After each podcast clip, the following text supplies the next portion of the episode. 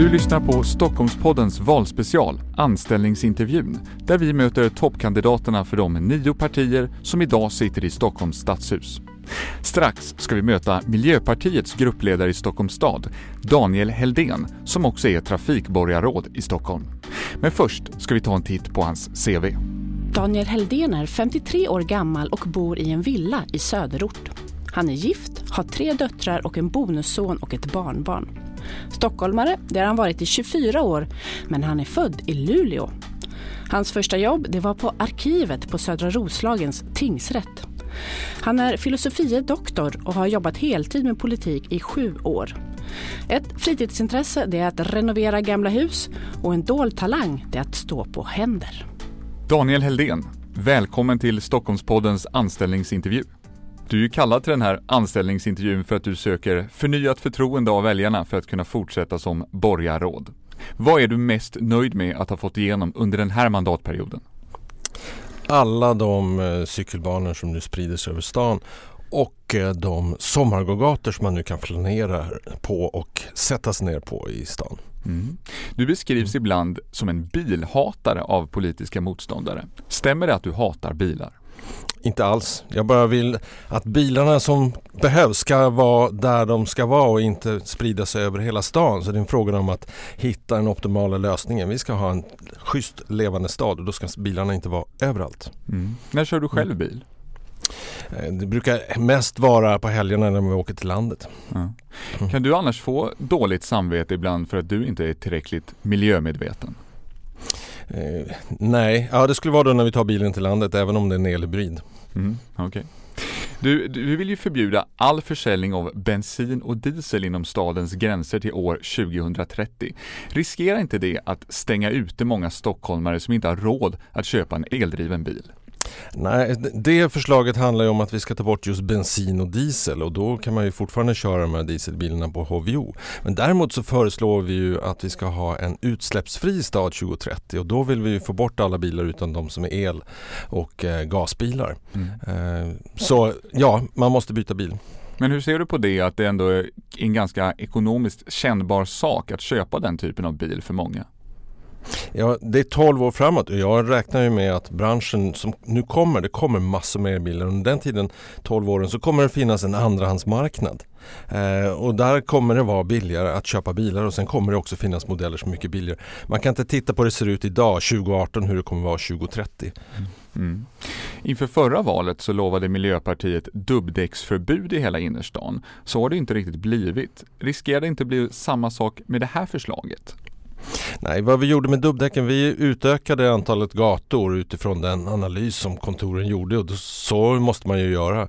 Eh, så vi gjorde den, den, förändringen, vi fick ner eh, partikelhalterna för, från dubbdäcken helt enkelt. När det gäller det här så är det, det är 12 år framåt, vi ska sätta igång omställningen och vi håller på med det just nu. Till exempel att införa mycket, mycket fler laddplatser i stan. Mm.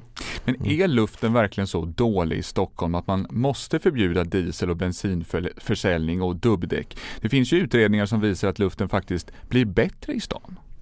Ja, visst har den blivit bättre om man tittar på i långa perspektiv. Men va, det enda vi vet är att de här utsläppen, framförallt då kväveoxidutsläppen, är skadliga. Vi har över tusen förtida dödsfall i Stockholms län på grund av de utsläppen. Och det finns ingen liksom, lägsta nivå. Så kan vi få till att få bort de här skadligaste dieselbilarna och även de skadliga bensinbilarna, då får vi en bra luft och det är vår skyldighet att se till det för stockholmarna. Mm. Mycket mm. när det gäller miljö är på lång sikt. Om vi ändå kollar på den kommande mandatperioden perioden, fyra år. Vilken är den viktigaste förändringen som kommer att ske med trafiken i Stockholm om du får förtroendet att fortsätta som trafikborgarråd? Det är framförallt att vi fortsätter den satsning vi har gjort på cykelinfrastrukturen. Det ska vara otroligt lätt, enkelt och smidigt att cykla i Stockholm så att alla som nu gör det kan, kan fortsätta med det. Och så ska vi se till att eh, bussarna kommer väl fram i, i staden. Vi ska göra ännu mer satsningar där. Och så ska vi ha olika åtgärder för att minska biltrafiken. Vi ska ner den med ungefär en tredjedel och då kan vi få en bra stad. Vi ska gå vidare med några kortfrågor inom andra politikområden. Vill du ha kvar 40 timmars förskola för barn till föräldralediga? Ja. Fi föreslår en så kallad kvinnomiljard som ska gå till ökad jämställdhet. Stödjer du förslaget? Jag tror att det är på tok för mycket pengar i det sammanhanget. Vill du ha kommunala ordningsvakter? Alltså, vi har delvis det, eh, men jag tycker framförallt att det är polisen som ska sköta de här åtgärderna. Behövs det Mm. mer kameraövervakning av gator och torg? Eh, vi har ju infört det i Järvaområdet. Eh, Jag tror att det i dagsläget räcker. Vill du förändra kommunalskatten? Nej. Du är ju en politiker som väcker mycket känslor och har ansvar för frågor om trafik som berör nästan alla stockholmare på ett eller annat sätt. Får du ta emot mycket hat och hot? Alltså på Twitter och, och Facebook och i min mailkorg så kommer det in en hel del. Eh, kanske inte grova hot men det är mycket folk som har starka åsikter. Men samtidigt kan jag säga att ungefär hälften av det som kommer in också är positivt. Så att jag liksom, det är en bra balans och det är ju jävligt kul. Om man nu får svära, det kanske man inte får göra. Men hur hanterar du det? De här ändå otrevliga mejlen som du får? Eh, ja, eh, med tiden så blir man, jag ska inte säga att man blir immun för det blir man aldrig när man får sånt där men, men man, man slutar, man kan läsa första meningen och så inser man att det här är någonting som inte passar riktigt och då skickar jag det vidare till mina medarbetare som får titta om det är något de behöver svara på helt enkelt. Mm. Vi hörde ju tidigare i ditt eh, CV att du gillar att renovera gamla hus. Jag tänker mig det är ett tålamodskrävande arbete. Är du en person med stort tålamod? Ja det är alltså, Man kan inte hålla på och arbeta med sådana här stora frågor i Stockholm om man inte har tålamod. Då, då tror jag man skulle gå sönder. Det krävs tålamod, långsiktighet och se till när man nu ska ställa om. Nu vi pratar 2030 till exempel, 12 år, det är lång tid. Tappar du tålamodet någon gång då? Ja, det händer. Jag ska inte nämna när. Du har skrivit en avhandling tidigare också om almstriden i Stockholm som utspelade sig 1971. Vad var det med den händelsen som intresserade dig? Det var ju det att stockholmarna eh, och andra gick man ur huset och stoppade ett beslut som hade tagits i fullmäktige och också fastställts av regeringen eh, på den tiden. Eh, Och då var jag intresserad av att se hur tänkte alla dessa människor som tyckte att det var okej att man upphävde eller såg till med, med mer eller mindre olagliga metoder att, att förändra ett kommunalt beslut och hur politikerna tänkte. Så det var det jag tittade på. Mm. Civil olydnad, vad, hur ser du på det som politisk metod? Det finns eh, tillfällen när, när det kan vara berättigat men, men det kräver mycket eftertanke och eh, jag skulle säga att man bör läsa på de teorier som finns runt det här och, och i förhållande till demokratin men det finns absolut tillfällen när det är tillåtet. Mm. En sista personlig fråga. Vad är din svagaste sida skulle du säga? Ja, ja. Eh, det, ibland kanske jag skulle vara lite mer långsint. På riksnivå har Miljöpartiet haft en opinionsmässigt tuff mandatperiod. Är du rädd att ett svagt valresultat på riksplanet ska dra ner partiet även i Stockholm? Ja, det är och det kan man ju se på alla mätningar. Vi följer ju hela tiden och gjort under mandatperioden att de händelser som sker på, eller skett på riksnivå slår hårt mot oss i Stockholm. Så är det. Mm. Och jag hoppas ju att stockholmarna kan hålla isär olika nivåer. Mm. Vad är din analys av varför det inte har gått bättre på riksnivå? Det har varit ett komplicerat läge för partiet att sitta i regering. Eh, förhållandevis litet parti i förhållande till ett stort parti som har varit med och styrt under massor, massor med år och vet hur sånt här fungerar. Eh, det, den, man hade inte den erfarenheten helt enkelt som man behövde. Mm. I Stockholm då, om varken ni rödgrönrosa eller Alliansen får egen majoritet i Stockholms stadshus, skulle det vara möjligt för Miljöpartiet att då bilda majoritet med Alliansen? Alltså, om man tittar på mätningarna så är ingen, inget parti eller grupp har majoritet och det, vi säger hela tiden vi sätter oss inte på något vis i ett styre där SD har något form av inflytande. Och jag tror att det kan vara svårt med den här stan att styra den i minoritet. Man har gjort det i landstinget och det är klart man får titta på hur det har fungerat där. Eh, men om det skulle behövas för staden och, och för att få en stabilitet så, så kan förändringar ske där. Mm. När vi ändå är inne lite då på Alliansen, vem av oppositionens politiker i stadshuset har du helst en kopp kaffe med? Jag skulle säga faktiskt eh, många av dem. Eh, jag har ovanligt bra eh, relationer till både oppositionen och, och vi som sitter i majoriteten. Så jag skulle säga att jag kan faktiskt inte plocka ut någon. Senast då? Den senaste jag drack kaffe med det var nog Karin Ernlund. Vid sidan av trafik och miljö så har ju ni i Miljöpartiet också ett särskilt ansvar för sociala frågor och Åsa Lindhagen är socialborgarråd då i Stockholm. I vintras var det långa köer av hemlösa till både stadens och kyrkornas härbergen under kalla nätter. Varför lyckas inte ni utrota hemlösheten i Stockholm? Den är, det är inte enkelt. Eh, folk blir av med sina kontrakt. Eh, man hamnar i svåra situationer, det dyker upp händelser. Det har gjort mycket satsningar på härbergen och annat där man kan komma in framförallt på kalla nätter och så vidare. Men man ska samtidigt se att hemlösheten har kraftigt gått ner om man tittar på ett längre perspektiv. Nästan aldrig haft så här låga siffror som vi har just nu. Mm. Många av de som sover utomhus och i, i bilar runt om i stan det är ju EU-migranter som är i Sverige för att tigga. Varför är det inte en bra idé att förbjuda tiggeri?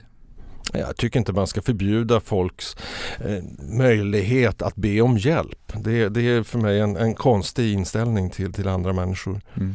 Hur ska man annars då angripa det här problemet som det ändå är då att människor far illa av att de inte har någonstans att bo och kommer, kommer till Sverige med väldigt små medel? Ja, det, det, är väl framförallt ett, en sak som, som handlar om de länder som de kommer ifrån. Vad är det där för någonting som gör att de tar sig eller söker sig hit och det har vi ju arbetat med. Eh, sen eh, så finns de här och det, det, det får vi leva med. Mm. Om vi går vidare lite från hemlöshet till bostadsbyggande. Hur och var vill Miljöpartiet bygga under de kommande åren?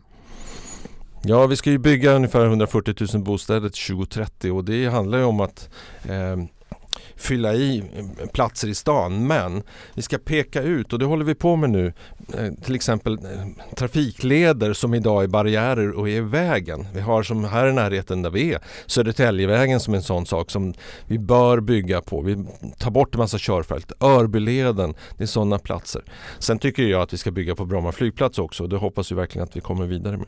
Vi ska inte bygga bort våra grönområden. Det är därför vi har inrättat tre nya naturreservat och ett fjärde nu är på gång. Mm. Samtidigt, mm. Rosenlundsparken, Lundagatan och Fredhällsparken, det är tre exempel i innerstan där grönytor har försvunnit för att man ska kunna bygga bostäder. Varför tillåter ändå ni att grönytor tas bort? Det är omöjligt att ha en stad som växer så kraftigt som Stockholm gör utan att det påverkar grönytor. För det är oftast de som finns kvar. Vi försöker då som jag pratar om de här trafiklederna att ta dem. Eh, men det, det, det, är så att det, det, försvinner och därför har vi lagt 300 miljoner kronor på att utveckla grönområdena för att kompensera detta och det jobbar vi hårt med nu. Mm. En del skulle kanske mm. säga att ni var mycket tuffare när ni satt i opposition i just de här frågorna om grönområden som försvinner under bostadsbyggande. Vad säger du till dem? Nej, alltså vi, när vi satt i opposition nu senast så var vi tydliga med de planerna vi hade. Eh, det kommer att försvinna gröna områden men tydliga satsningar på det som, som vi har kvar och framförallt de här naturreservaten. Man ska kunna bo i staden, ha nära till grönområden. Men det går inte att utveckla staden utan att vissa grönområden försvinner. Mm. När det gäller bostäder annars, kan du tänka dig att ombilda fler av allmännyttans hyresrätter? Nej hur ska ni lösa problematiken med att det inte finns fler billiga hyresrätter annars? Ja, om vi säljer dem så blir de ju inte billiga. Utan tvärtom så blir det ju bostadsrätter som är svåra för, för de som behöver dem att komma åt dem. Mm. Så under den mandatperioden så har vi ju sett till att det byggs mycket, mycket fler hyresrätter. Allmännyttan bygger och bygger och bygger. För att komma tillbaka till en nivå där vi har hyresrätter på den nivå som var innan Alliansen sålde ut en, ett stort del av vårt, vårt bestånd. Sen är ju de dyra och det är knepigt att komma åt det men med tiden så kommer de att bli billigare i förhållande till annat. Mm. Nu är vi snart klara med den här anställningsintervjun, men en fråga kvarstår. Varför är du rätt person för att leda Stockholm efter valet i höst? Därför att jag har tydliga visioner på hur vi ska ställa om Stockholm till en, en klimatsmart stad, en levande stad där vi utnyttjar våra offentliga gaturum på ett mycket smartare sätt. Eh, där vi bygger på ett hållbart sätt. Eh, och sen har jag tålamodet att göra det här och hålla i frågorna och inte bara släppa iväg det som många andra kan göra.